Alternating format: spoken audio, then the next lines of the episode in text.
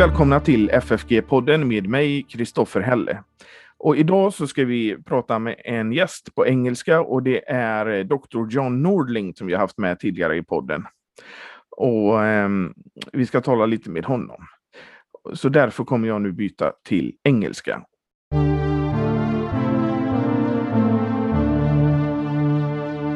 And I'll say, welcome to our podcast, Dr. Nordling. Thank you. Yeah. You, uh, how are you? I'm well. Yeah, um, pretty well. I, I, I, we just started teaching. I just started teaching Greek here, summer Greek. So um, I've been at that for one week, and uh, now I have nine weeks to go. so summer, summer Greek. Yeah. Uh, in and you are teaching at Concordia Seminary in uh, Fort Wayne for those who right. doesn't know that. Yeah, Concordia Theological Seminary. Okay. So in Fort Wayne, right? In Fort Wayne, yeah, in Indiana. In Indiana, right? Uh, about a hundred and uh, I don't know how many kilometers it would be, but it's about 140 miles east of Chicago. Chicago. Okay. Yeah. How has this pandemic been for you? I know that you have a story about you've been trapped in Nigeria. Yeah, well, um, here in Indiana, um, things have pretty much opened up again. Um, we don't have to wear a mask really anywhere um, uh, for like the last month or so. Um, but a year ago, um, I was teaching in uh, Nigeria teaching Greek there. And it was right when the pandemic hit, and suddenly I I I was I was trapped. I was uh, I I was in this town called uh, Uyo, which is about a 1,100 kilometers east of uh, Lagos, where the international airport was, and they canceled all the flights, the international flights, and even the domestic flights. So um, it took some real doing, but they got me out of there, and um, and so I was glad to get home to get back. But I was there probably five more weeks than I was anticipating. So and they treated me very well, and um, uh, but I was glad to get home. Yeah, I understand that. So you you managed to get on a flight. Yeah, it was a it was a repatriation flight. All of the other flights were canceled, but uh, the U.S. State Department worked out um, flights through Ethiopian Air, and um, so I was able to get on the flight and get back to Washington, uh, Washington D.C., and then I took a domestic flight uh, the rest of the way home. So, so I hope I don't have to go through that again. I understand. Five yeah. more weeks is a is a lot of time. Yeah. Especially under those special circumstances. Right. Right. Yeah. And when we we talked to you the last time, you were working on your commentary on the Philippians. How how's uh, it going with that? Well, I, I uh, continue to work on it. Um, I um, uh, have had the text notes. Uh, so the let me just explain. Uh, the commentary consists of a of an original fresh translation from the Greek, and then text notes, which are rather thorough uh, about each word or phrase, and then the commentary itself. So I've been done now with the text notes for about three years. Um, and I'm working now in uh, chapter three on the commentary. Um, uh, I'm at the moment I'm in um, chapter three, verses four through eleven, where Paul um, uh, he says, um, "For although I have, uh, although I myself have much persuasion in the flesh." If anyone else is persuaded in the flesh, I am more. Um, circumcised on the eighth day of the tribe of Israel, of the tribe of Benjamin, a Hebrew of Hebrews. So he goes through this kind of resume of his great accomplishments, and then and then he says that he um, considers uh, it all as rubbish, um, which is the tame translation for what Paul really says in the in the original and that um, he doesn't have his own righteousness, but he has the righteousness from God, that he may know him and the power of his resurrection and fellowship in his sufferings, being conformed to his death. So he ends this pericope with a fine rhetorical flourish. If somehow I should attain to the resurrection of the dead. And um, so uh, uh, that's the parts, those are the parts that I've been wrestling with at the moment. Yeah. Yeah. And uh, uh, do you feel, do you see the light at the end of the tunnel that you're going to finish it soon?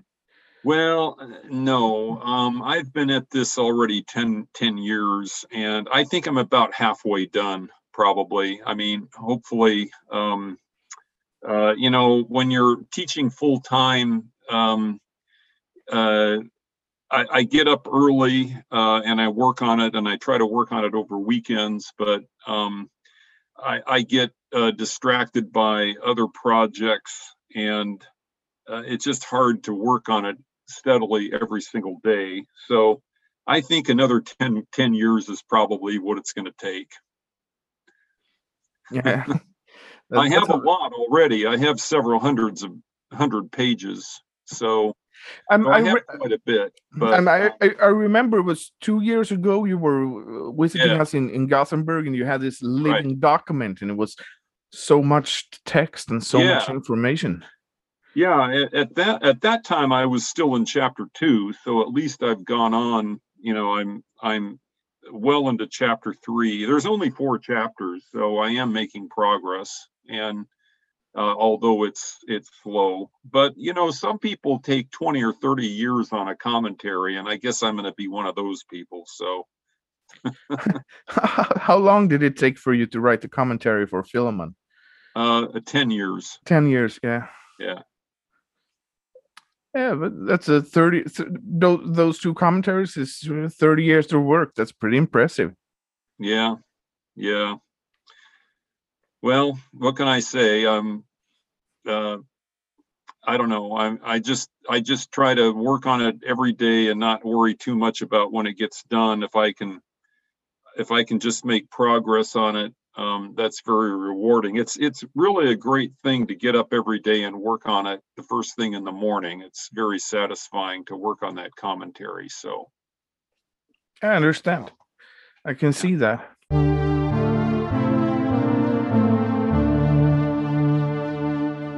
Today we're going to talk about um, some Greek words that um, are uh, works as a kind of synonyms in the New Testament. Right. We have uh, thought, thought about three words. What are those words? Well, um, uh, yeah, you mentioned uh, doulos, which is the kind of the most generic word for slave. Um, sometimes it can be translated servant, but usually in English, and I think probably in Swedish too, it's it's a translated slave.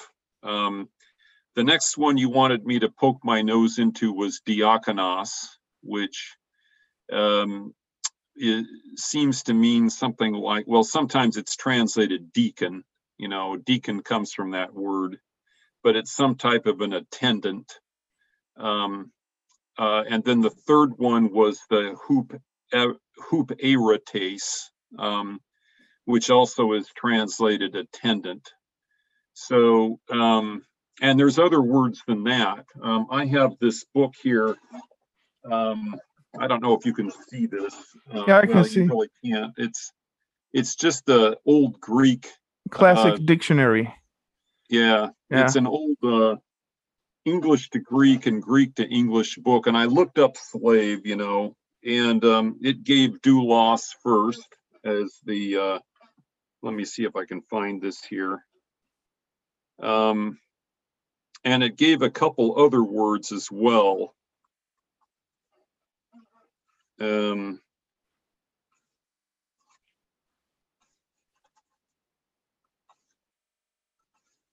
just give me a moment here. Um, slave, the first word they give is doulos or doule, that's the feminine form. of, of it. And then the next word they give is andropodon, which is, uh, you can see aner andros, so man. And then the podos part is foot. So it's it would be translated literally as man foot or man legs.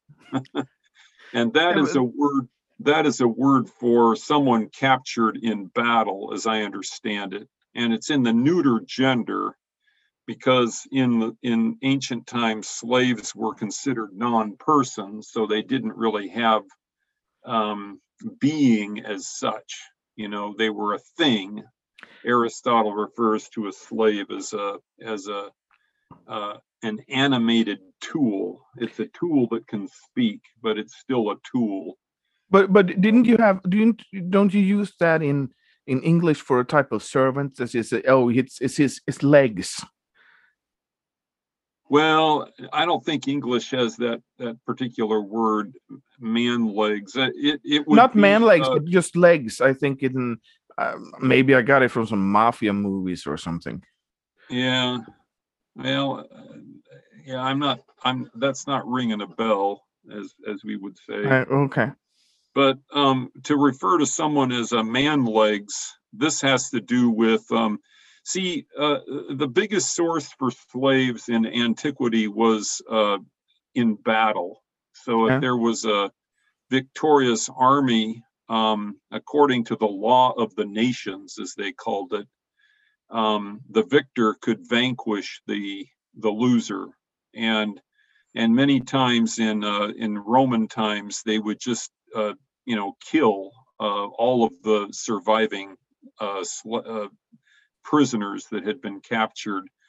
But then uh, they decided to keep them. Um, they would die to themselves, they would die legally, but they could continue to live biologically. Um, and they would lose their personhood and their language and everything, their name, whatever status or rank they had previously would all be gone and then they would become the the extension of their master and so um, after uh, some of the battles that happened, for example, in Gaul, when Caesar Romanized Gaul in the 50s BC, um, they would they would uh, uh, round up all of the slaves and chain them and then march them uh, in mass uh, to Rome, where they would be then sold on the slave markets.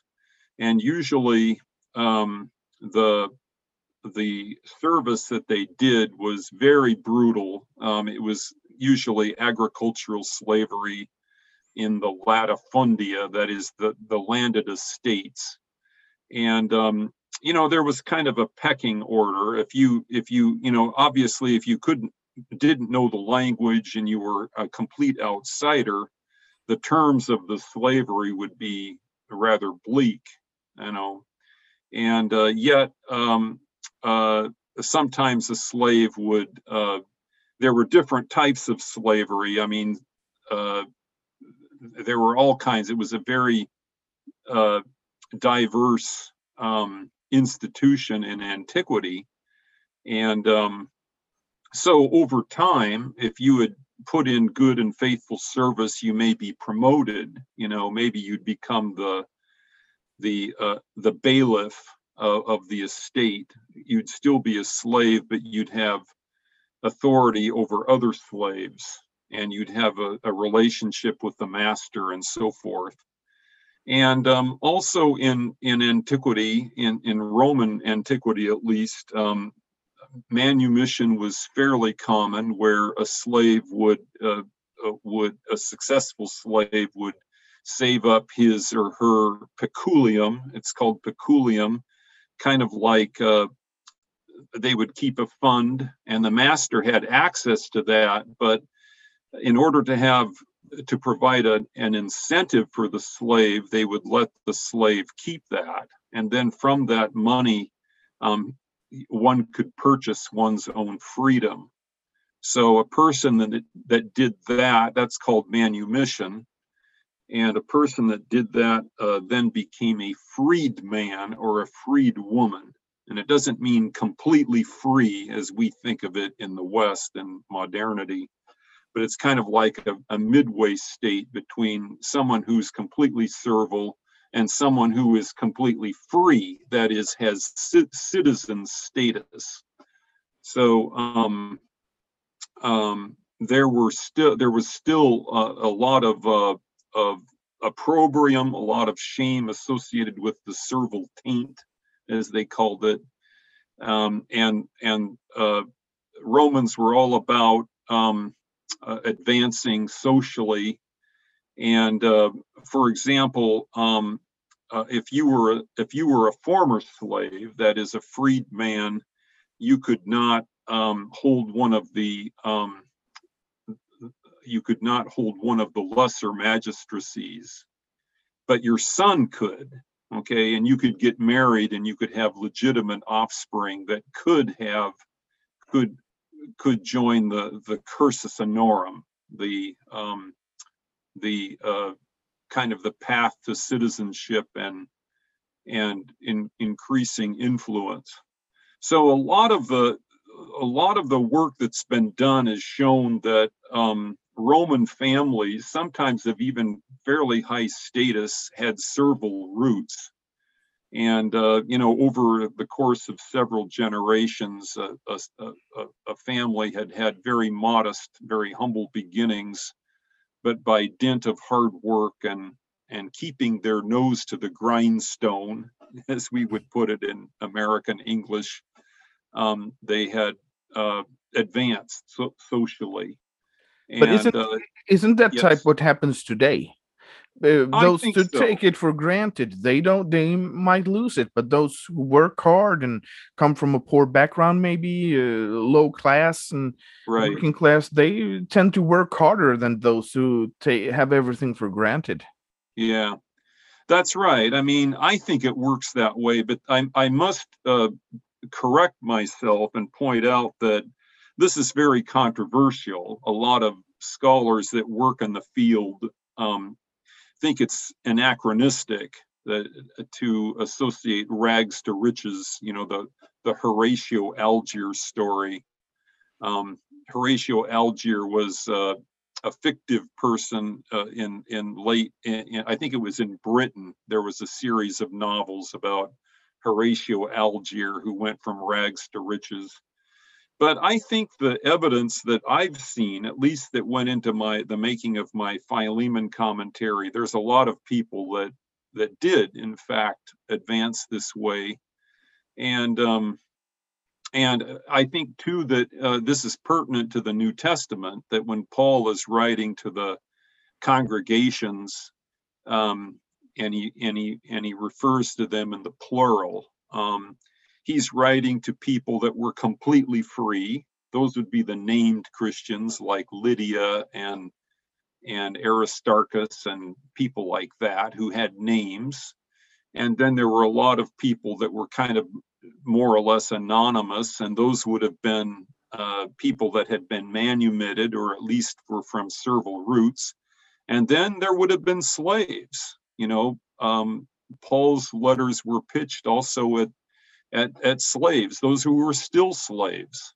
And so that's why he has all of the the um, uh, encouragement that he that he has to be faithful to your master, to give um, uh, not just give eye service, but true service. Your servitude is to the Lord, not just to your earthly master encouragements like that that make a lot of sense if a lot of the congregation was in fact servile.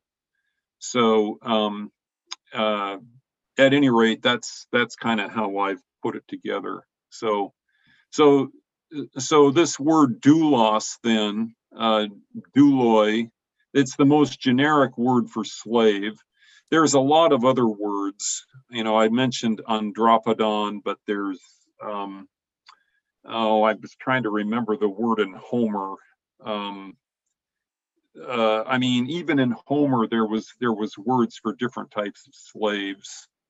Um, there was the helots. The helots were part of Sparta, and uh, and they were they were a special kind of servile people. But there were there were all kinds of different uh, relationships in antiquity. Um, but the most generic one is slave, uh, loss.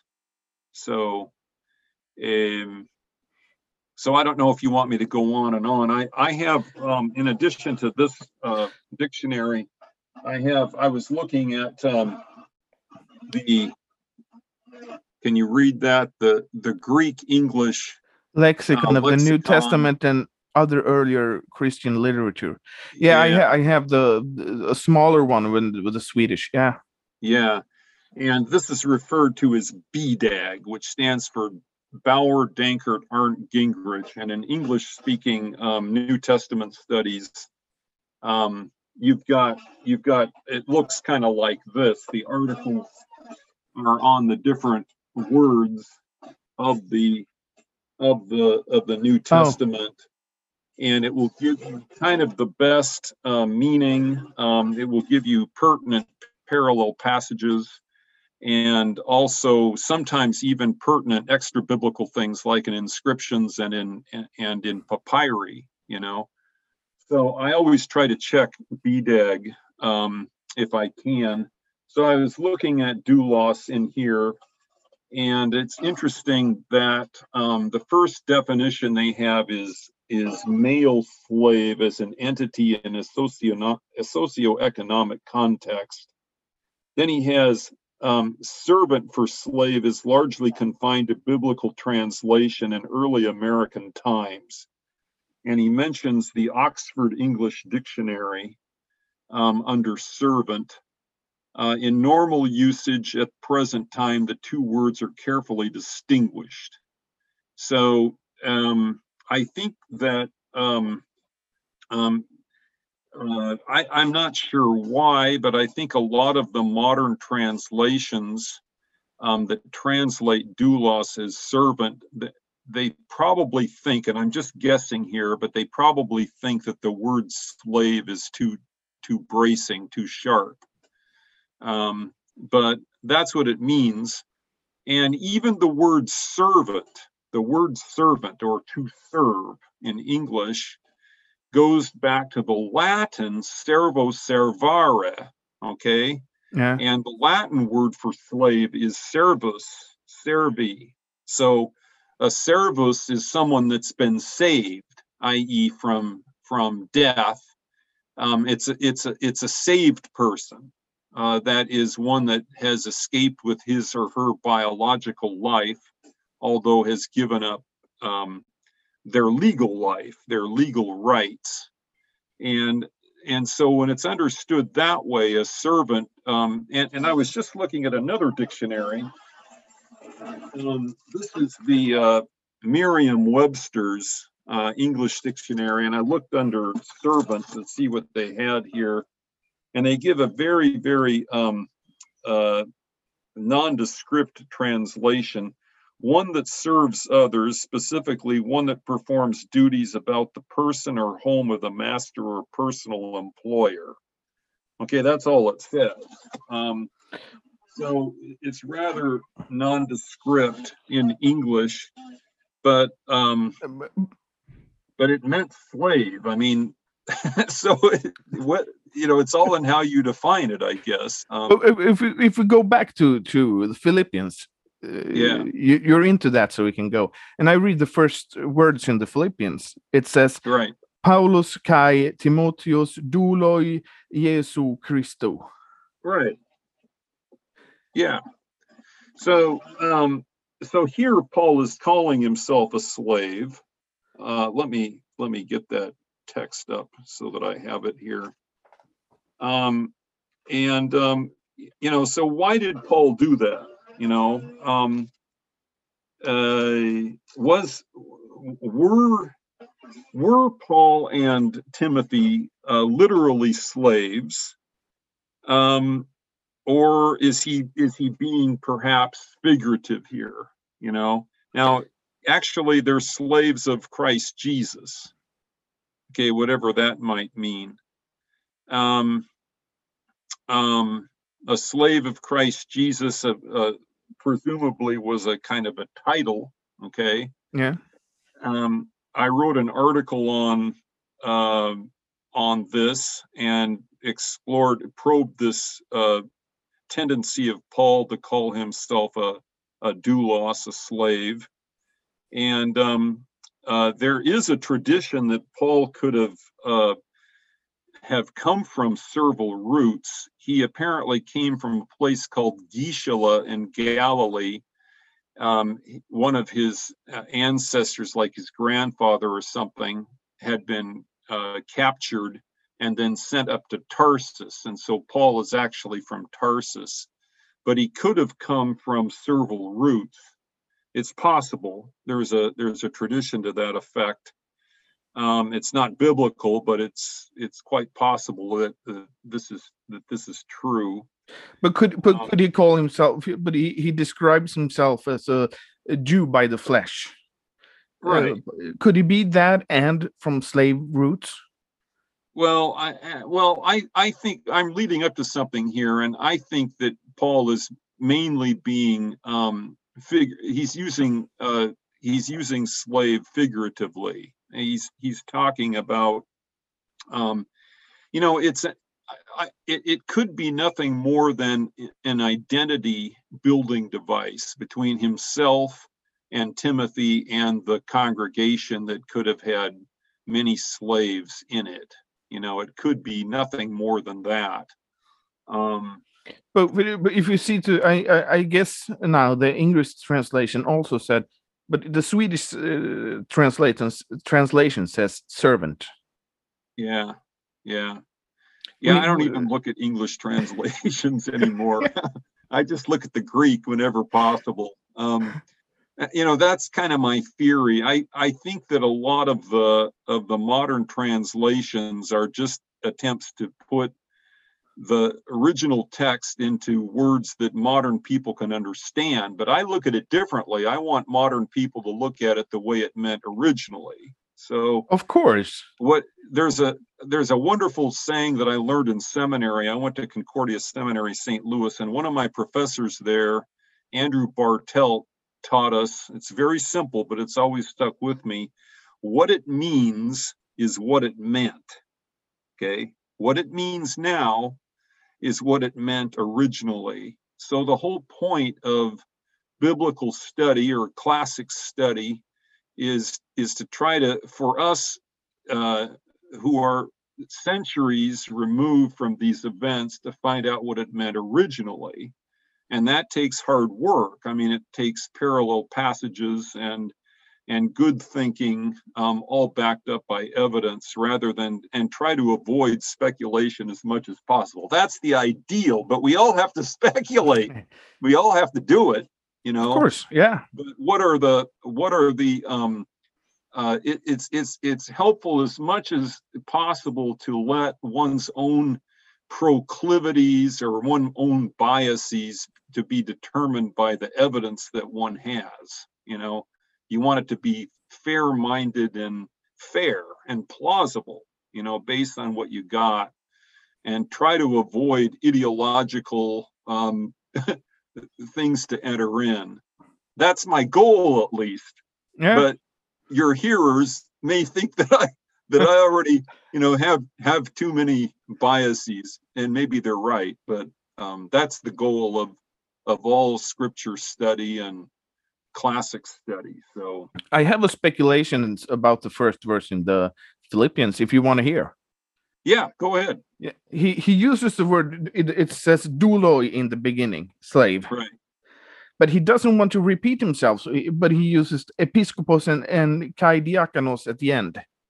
Right. So he doesn't want to repeat himself, and he wants to emphasize the that he's a slave for Christ, and he doesn't want to repeat him because he uses that word. Yeah. Uh, can I be right about that, or is my speculation wrong? Well, that phrase with the with the bishops and the and the deacons, that's that's very controversial. That's the only place where that occurs. And there's a big debate. Is he talking about real bishops or and deacons, you know, as it as it evolved later on when Christianity became kind of like associated with the Catholic Church in the second or third century AD?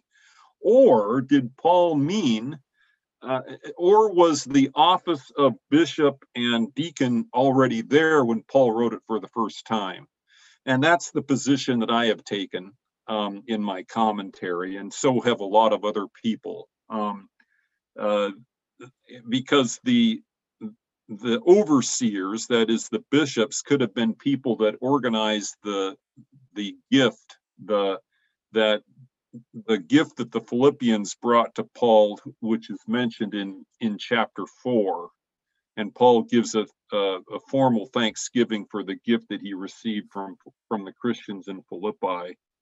So, um, so you know, I I think I think that um, that Paul and there's other places where Paul calls himself a doulos. For example, in uh, Galatians chapter one verse ten.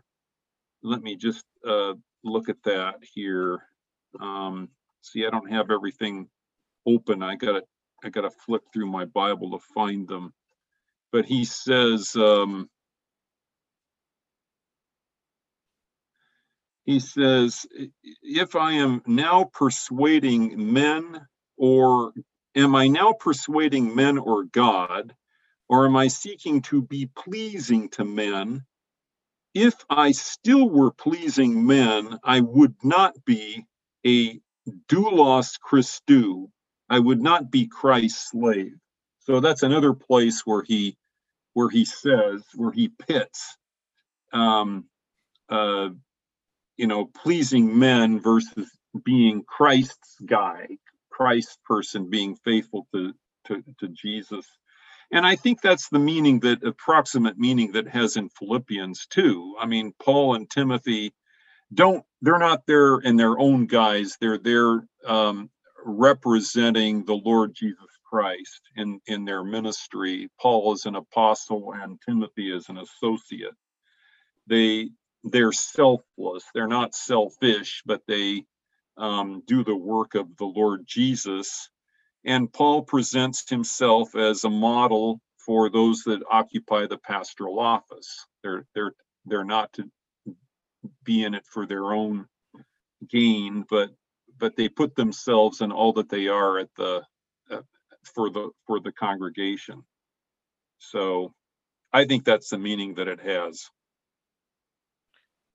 Yeah, but it, it's um, uh, it, it, points out that he he's a slave, but uh, I think he he sounds like a happy slave to be. Uh, yeah. But, but after especially after the um, the slavery in America, it's had the the word have a very very negative uh, meaning. Right. Yeah, right. Well, right in in modern uh, antebellum slavery, that's what we call it in America, before the war, before the Civil War, antebellum. Um, uh, slavery was a was a racist institution. People that were of uh, of of uh, African background often were were enslaved. So, um, and I mean, in the modern America, we still are uh, experiencing the after effects of slavery. It's it's been a very harmful um, institution.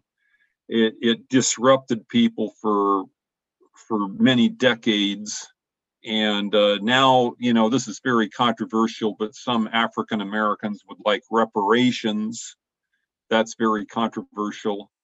Um, uh, again, it uh, it's a type of problem that you know can you really just take money and throw it down the hole. You know, does that really do any good?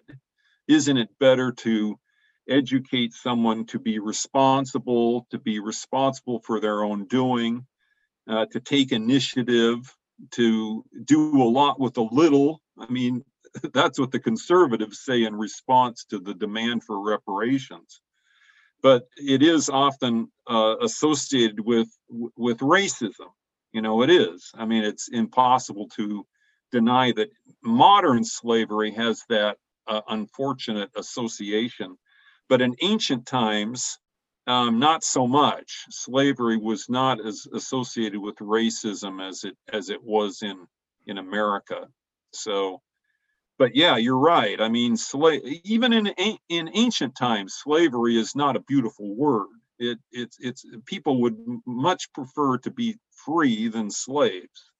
So, um, so I read somewhere that the, they they said that the slavery in ancient times were more like the very hard working class today, or Yeah. yeah, or the working class Yeah, in I mean, fifty years ago. um, uh, uh, slavery had, uh, I mean, it was a very um, a variegated uh, institution. I mean, there were slaves and there were slaves. There was, you know, the working serf who worked hard in the field and had very few um, rights or or, or, or um, incentives, you know. Um, and then there were slaves that were highly trusted, that the master trusted them with everything. The, the slave would live apart from his master and represent his master's best interests. It's very hard not to think of such a one as just being a very high placed um, employee, you know. And uh, there were slaves that were over other slaves. Um, uh, so um, you you got to be careful how how the words are being used and what what meaning they might have had when Paul used them. Uh, for example, when he uses dou- doulos, as he does several times in Roman in his letter to the Romans, some people think that's talking about the uh, the slaves of Caesar. You know, people that worked quite high in the imperial apparatus. Um, so um, uh, and and also in at the end of uh, of uh, Philippians, Paul gives a greeting to the household of Caesar. That's how he puts it. So the household of Caesar would have presumably have had a lot of of upper level slaves that were highly trusted in the empire. Um, so But but uh, we have, as you mentioned, we have a tendency to view the word doulos, slave, uh, with today's eyes, not what it meant back then, as you Right. m- mentioned before, and that I think is a problem with uh, Christianity and. uh, well, this is why we go to church. this is why we study the Bible or should study the Bible. This is why pastors should learn Greek before they deign to preach. Um, uh, we're all about learning, you know, and uh, um, uh, Christians need to factor what they hear coming to them from the media, the secular media especially, through the lens of the Word of God. You know, what did it mean?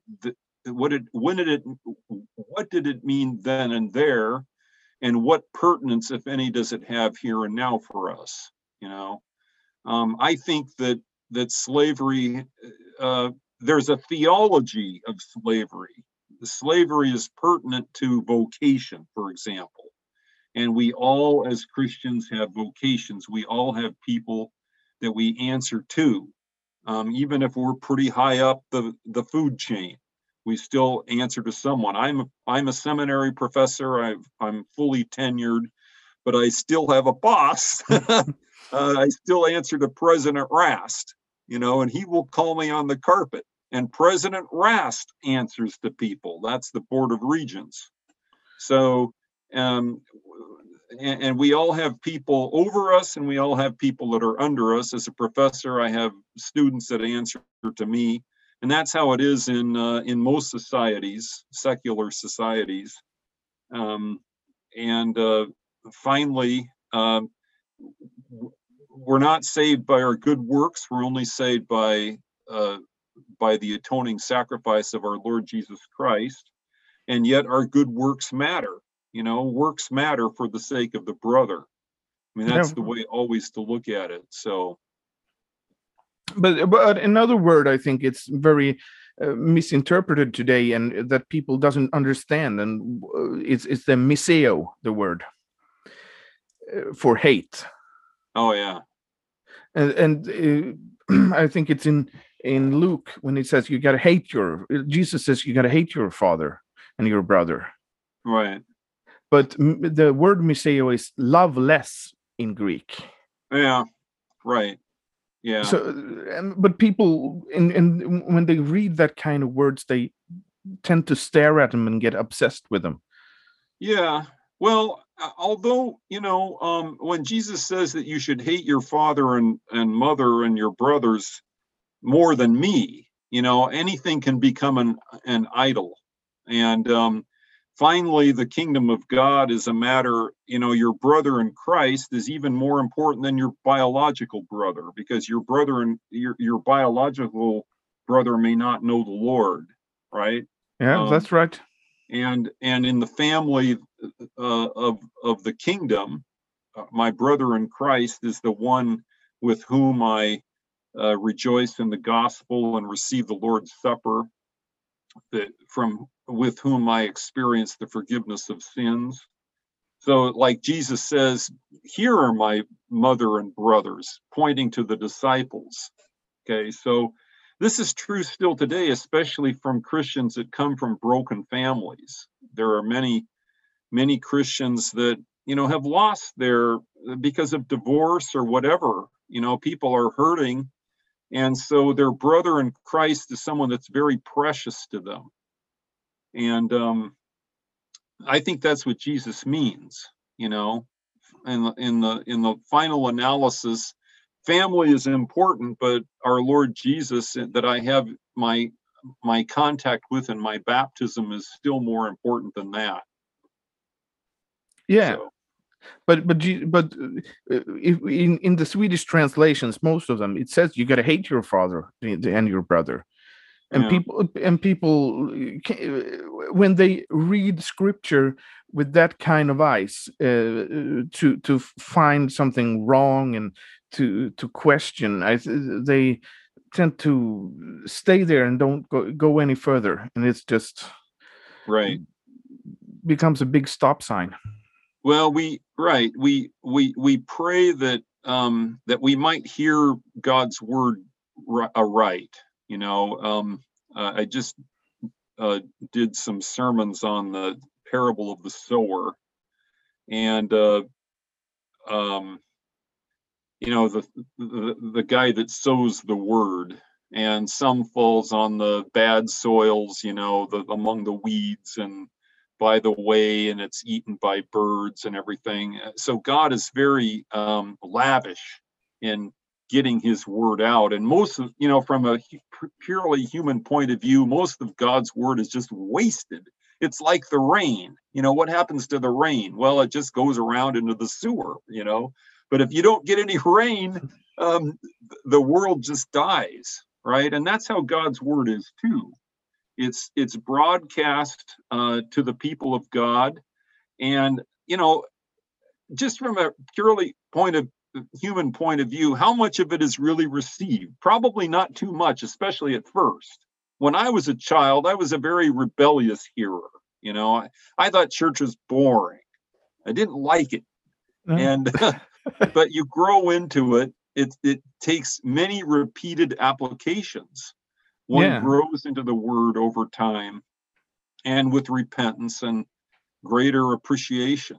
Yeah, my, my son is six years old. He thinks uh, it's it, the sermon he says is especially boring yeah yeah to, and, and to, to listen and, to an old guy talk yeah right right so we pray for the right hearing of the word and uh, it takes good preaching and good listening it's it's a two-way type of street so but remember in the parable of the sower um, the good soil is the last one and Jesus says, some 30, some 60, some 100 fold.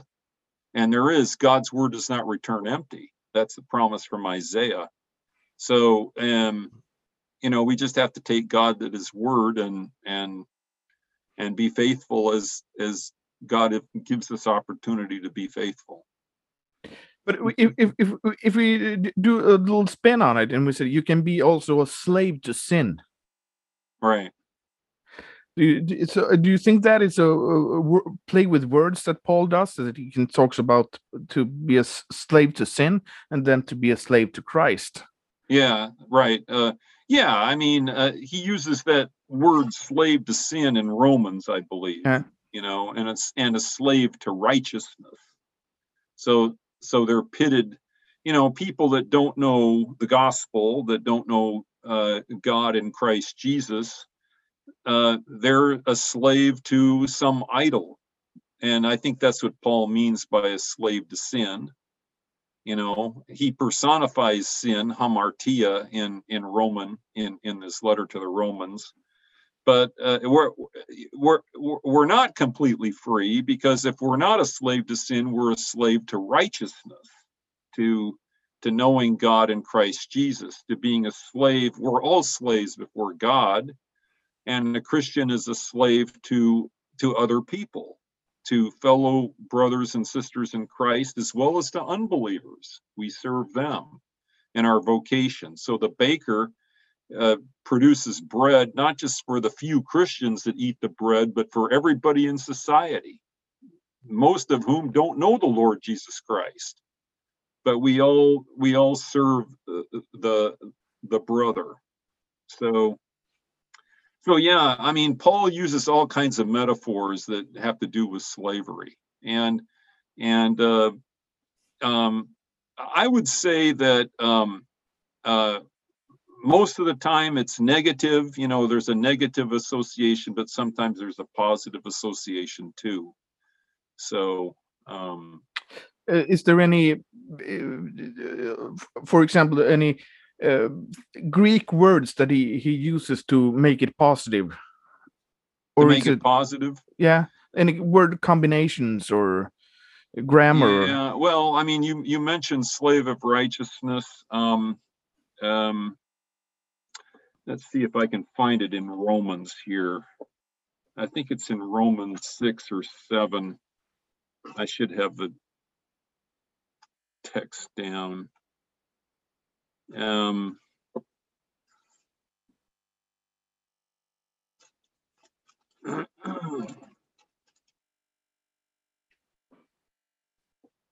right. Okay, so I'm up. Um, yeah, like in in Romans chapter six, uh, verse 18, he says, uh, "But being freed from sin." uh, ye were slaves unto righteousness. In verse 19, he says, I speak um, in a human way on account of the, of the weakness of your flesh, Paul says rather uh, condescendingly. and for just as you presented your members as slaves to impurity, and to the lawlessness which leads to or, uh, to lawlessness which leads to lawlessness so also now present your members as slaves to righteousness unto um, holiness. Uh, for you were slaves of sin uh, and and you were free from righteousness okay so that's what he's saying uh, you're not just indifferent. You're either slaves to one or the other, according to Paul, right? And but that's according to that's according to Luther as well. When he says a God is when what you said all your hopes to and expect all good from. Yeah, that's right. That's right. So, um, and I think that when Paul is writing Romans for the first time, he's thinking of the of the servile members of the congregation and uh, slaves were proverbial for being rather loose, having uh, corrupt morals, um, given to sexual license and so forth, not being trustworthy. And Paul is trying to hold before them a different image. You know, that's why he says your true master is is the Lord and not your earthly master. Okay, and uh, remember who's you who you are. Um, so at any rate, um, there's there's kind of a contrast there, and I could find more examples too, but that's probably enough.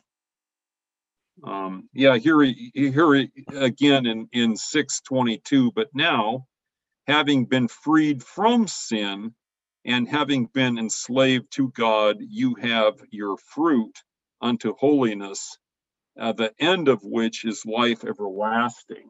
And when he talks about fruit there, um, um, he, he's, he's using this word of usufruct, fruct, usufruct.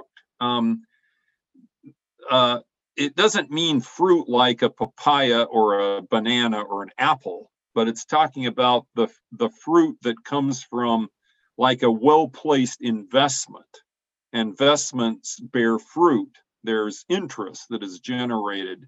And that's the Paul that's the sense that Paul has for it. So I think a lot of these slaves that that he's writing to in Romans, they were investors. They were people that handled filthy lucre. It's called we call it filthy lucre. You know, money is dirty. Yeah, yeah. So you get someone else to handle it. But people that have high status, they don't even handle their own money. They go through an intermediary. So a slave is someone that um, that would handle the master's accounts and and would invest them wisely. See, and uh, uh, uh, you know, you you you, you just got to get a kind of sense from how Paul uses the language as to what the word wording, what the meaning must have been originally. But if you if you go back to Philippians, when he uses he uses diakonos there as well, and what, Yeah. what what what is the the meaning of diakonos? Uh, Yeah.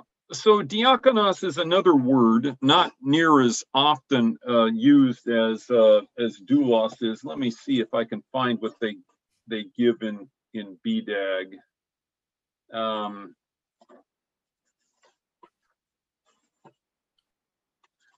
uh, they give um, uh, the first meaning is one who serves as an intermediary in a transaction agent, intermediary, courier, courier. So um, um, sometimes Paul calls himself a diakonos. You know, he'll have that meaning. Um, uh, the second translation that BDAG has is one who gets something done at the behest of a superior, an assistant to someone. The context determines whether the term uh, is with with or without the article is used uh, inclusively. Um, I mean, it's it's fairly common. Uh, um, the the uh, the meaning in um, in Philippians um, is uh, diakono uh, uh, with the um, with the deacons and the uh, bishops, bishop and, and the and the bishops, right? So there may have been a technical sense already then. Um, uh, the the the the noun is diakonos, referred to a person. Diakonia uh, is a ministry that's often translated ministry, and it's some task that the that the diakonos perform. So um, um, it, it, it again, it, it it really all depends on the context, you know, as to what the word must have meant and how it was uh, associated. So um, yeah, I'm not sure that I can be as particular with this word as I can with doulos. But but as as we we mentioned earlier, uh, they are in translation to English and to Swedish. They are uh, treated as synonyms. Yeah.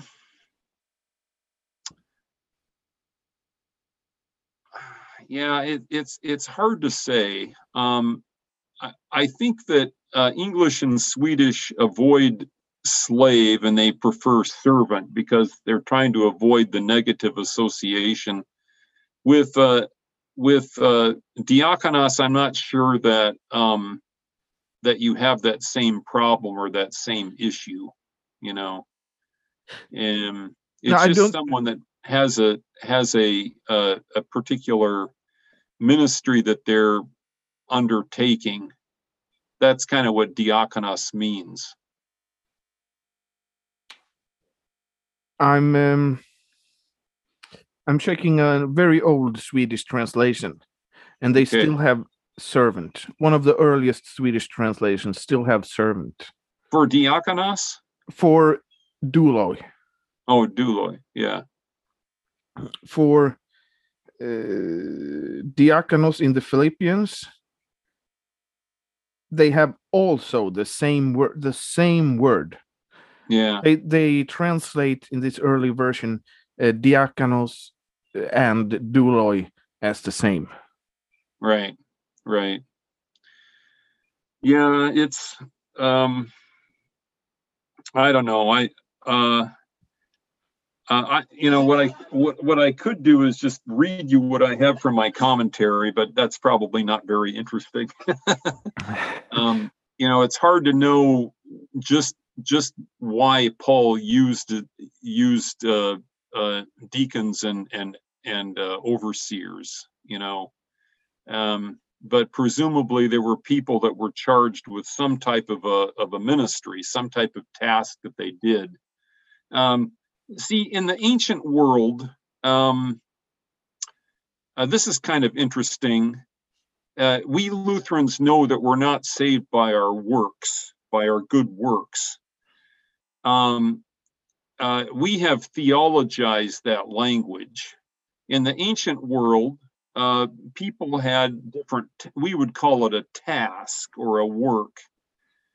In, in English, uh, when someone um, uh, does a service, they they may keep man hours. They on, on a bill of lading, they will record how many hours of labor were given, and those are called man hours, as we call it. And there's a certain rate that is paid. Well, that goes back to antiquity too, where someone would keep uh, would do a task, an opus, uh, uh, an opera operae right? So um, uh, again, it, that's why it's good to know something about ancient society and how how um, slaves and and freed people and and uh, and uh, uh, uh and freed persons kind of how they all interacted together. And you know what I learned when I wrote the commentary on Philip uh, on Philemon was people were ancient the ancient Christians were working men and women. You know, they had jobs, they did responsible work. Um, they were artisans. You know, Paul was a was a tent maker, a skenopoios, as it's called in Acts 18:3. And he was there with um, Priscilla and Aquila, who likewise were uh, skenopoioi, right? So when Paul visited them, he probably plied his task. He joined the, the working retinue that went on within the congregation um, and joined in, you know, uh, to support himself. Paul did not like taking money from others. He, oh. he was he preached the gospel for free and he even went the extra mile and supported his own ministry for free. He re, he re, he refused the right of an apostle. That's what Paul did. So um, I uh, like to be paid for doing my ministry, and I can claim the right of an apostle. That's that's how it is when you're a pastor. Um, the congregation supports your your service.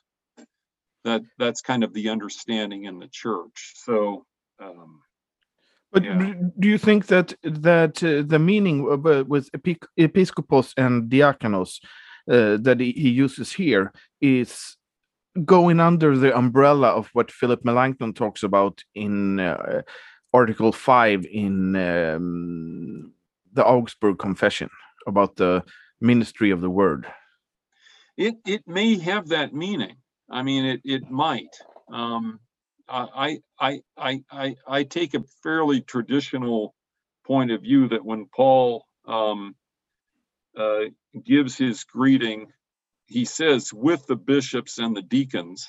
You know, uh, I don't think that that necessarily has to mean that um, uh, that the phrase does not belong. We know text critically that that phrase apparently was there all along. There's no text critical evidence that would suggest that those prepositional phrases are later or or not genuine. They they were genuine, and um, so you know who's not who's who's not to say that uh, that deacon and and and bishop had a had a had a long currency and early association, not just the later one. You know, that's kind of what what I argue. So, um, so and then you wanted to look at huperitas, who Yes.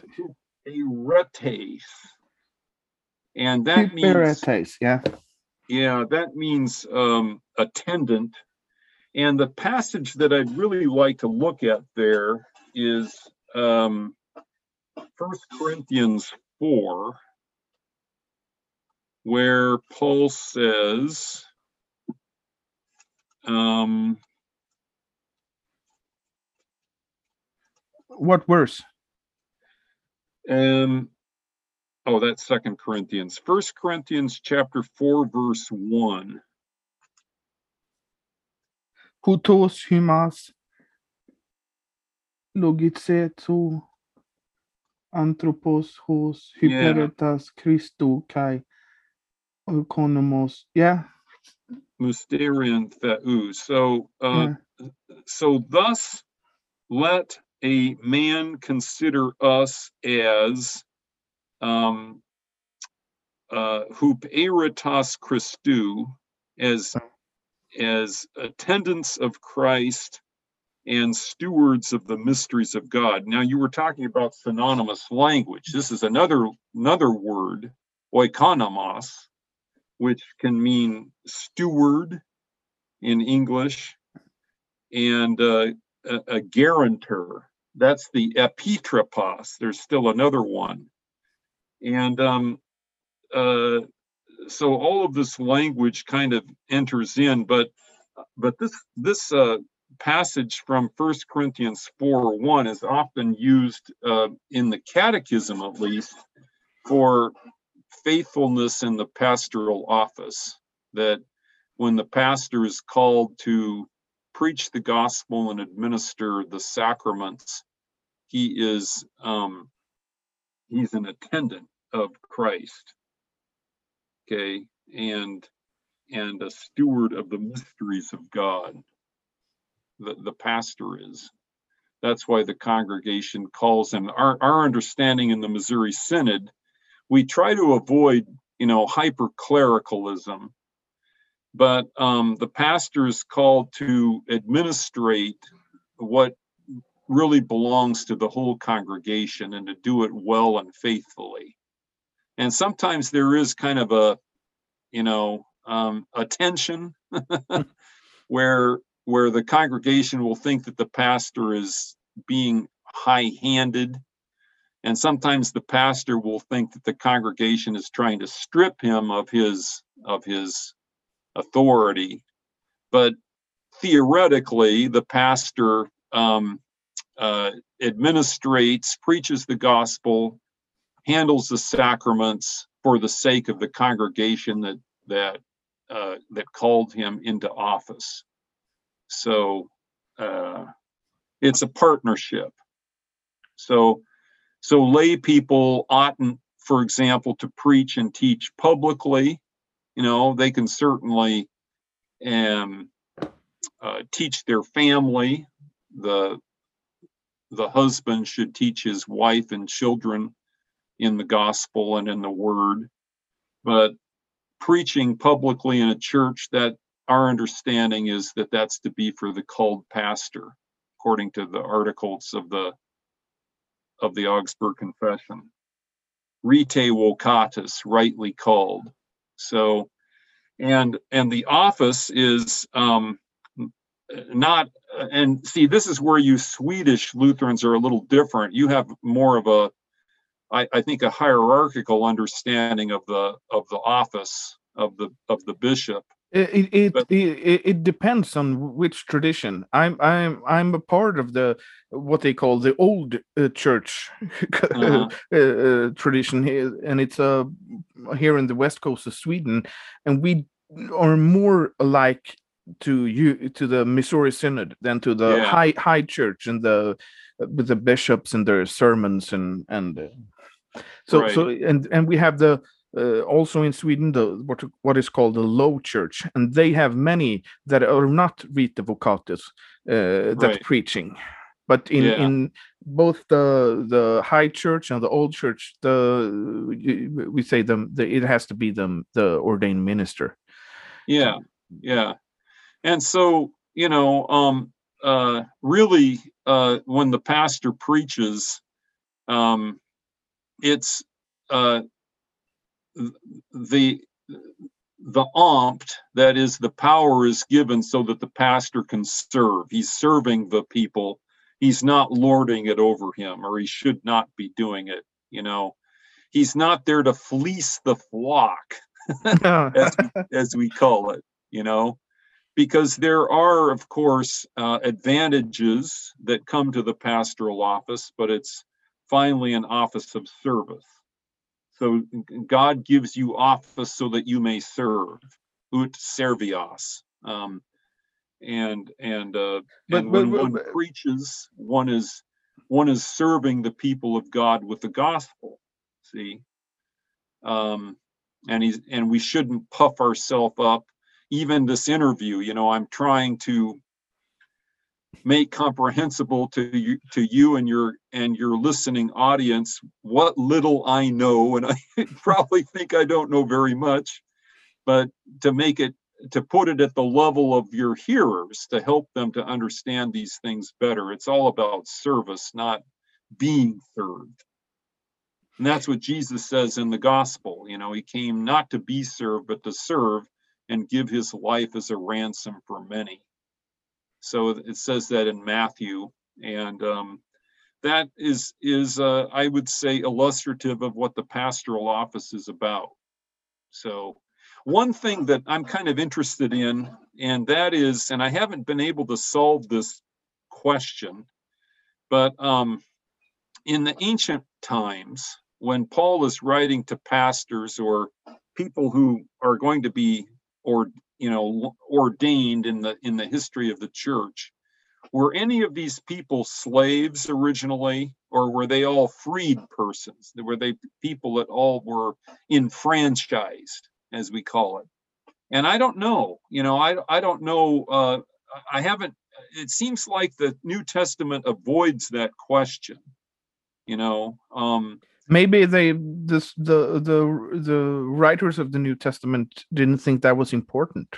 Yeah that's kind of what i think. And so you know like we say fools rush in where angels uh are afraid to go and i don't want to rush in like a fool and say something that i'd later later regret. But it is it is it is uh uh sometimes uh, when you look at these different examples, you kind of wonder how that would have played out um, originally. So yeah do do you, you know, have any a tradition with with Onesimus, who was the runaway slave of Philemon. There was a tradition that he became some type of a of an office holder in the church you know, later on, he may have been the one that compiled the Corpus Paulinum, the Pauline corpus, and he certainly became a prominent Christian, you know, and that's the old uh, Edgar Goodspeed. He taught at the University of Chicago back in the 1920s. So Onesimus, you know, after he ran away and re- and was returned and reconciled to his master, he may have um, had a very important role to play as he as he grew up as he grew older and um and he he was someone that would have been a, a slave. So it, it's just hard to say. But uh, i, I have a, a, a question about um uh, oikonomos the word. Yeah. That we talked about.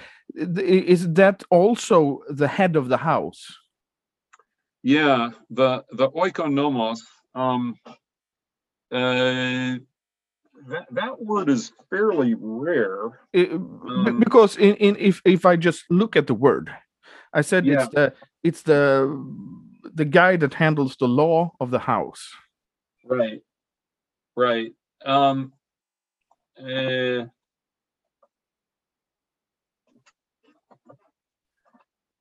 yeah, I don't know if it's the law, the the oikonomia. Um, what do they give here in oikonomos? It's from um, oikos, which is house, and then nemo means to manage. That's what it means. And they give that as manager of a household or estate, or a house steward, a manager. And it can also have a technical sense of being a public treasurer, a treasurer. Um, it has that sense in Romans chapter 16, verse 23. And then it's someone who is entrusted with management in connection with transcendent matters and administrator they give. So, um, uh, and they give First Corinthians 4 1 under that under that particular meaning. So it's fairly fairly rare. It only occurs like four or five times in the New Testament, maybe six times, 10 times. ten times. Okay. And the two Right. times is at least in, uh, it, it repeats in First Corinthians 4 2. Yeah. Right.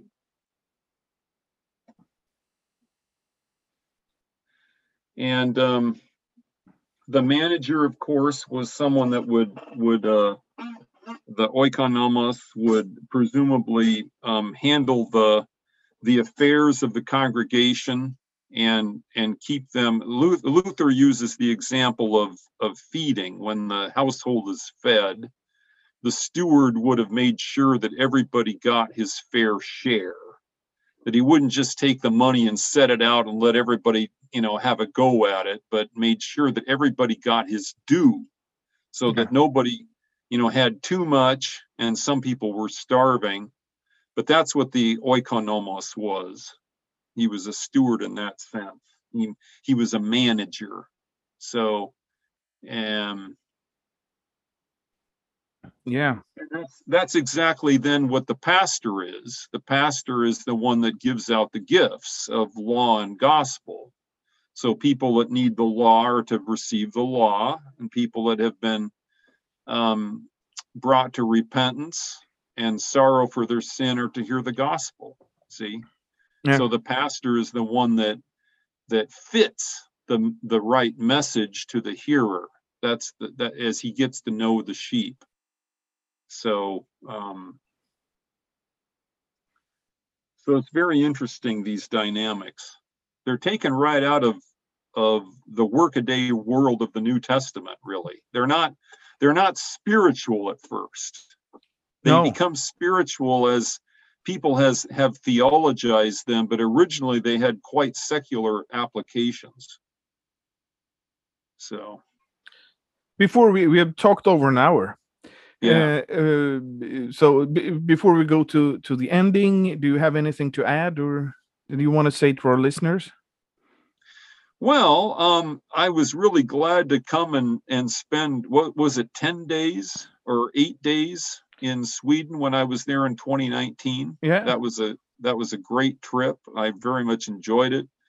I saw that people looked a lot like me, Nordling, which is a fairly common Swedish name. And there were a lot of people that, that I looked like uh, people in Sweden. And uh, I hope I can come back someday. Yeah. Um, I, I, uh, my host there was uh, Bengt Bergerson. He was wonderful, and and he, he and his what was his wife's name?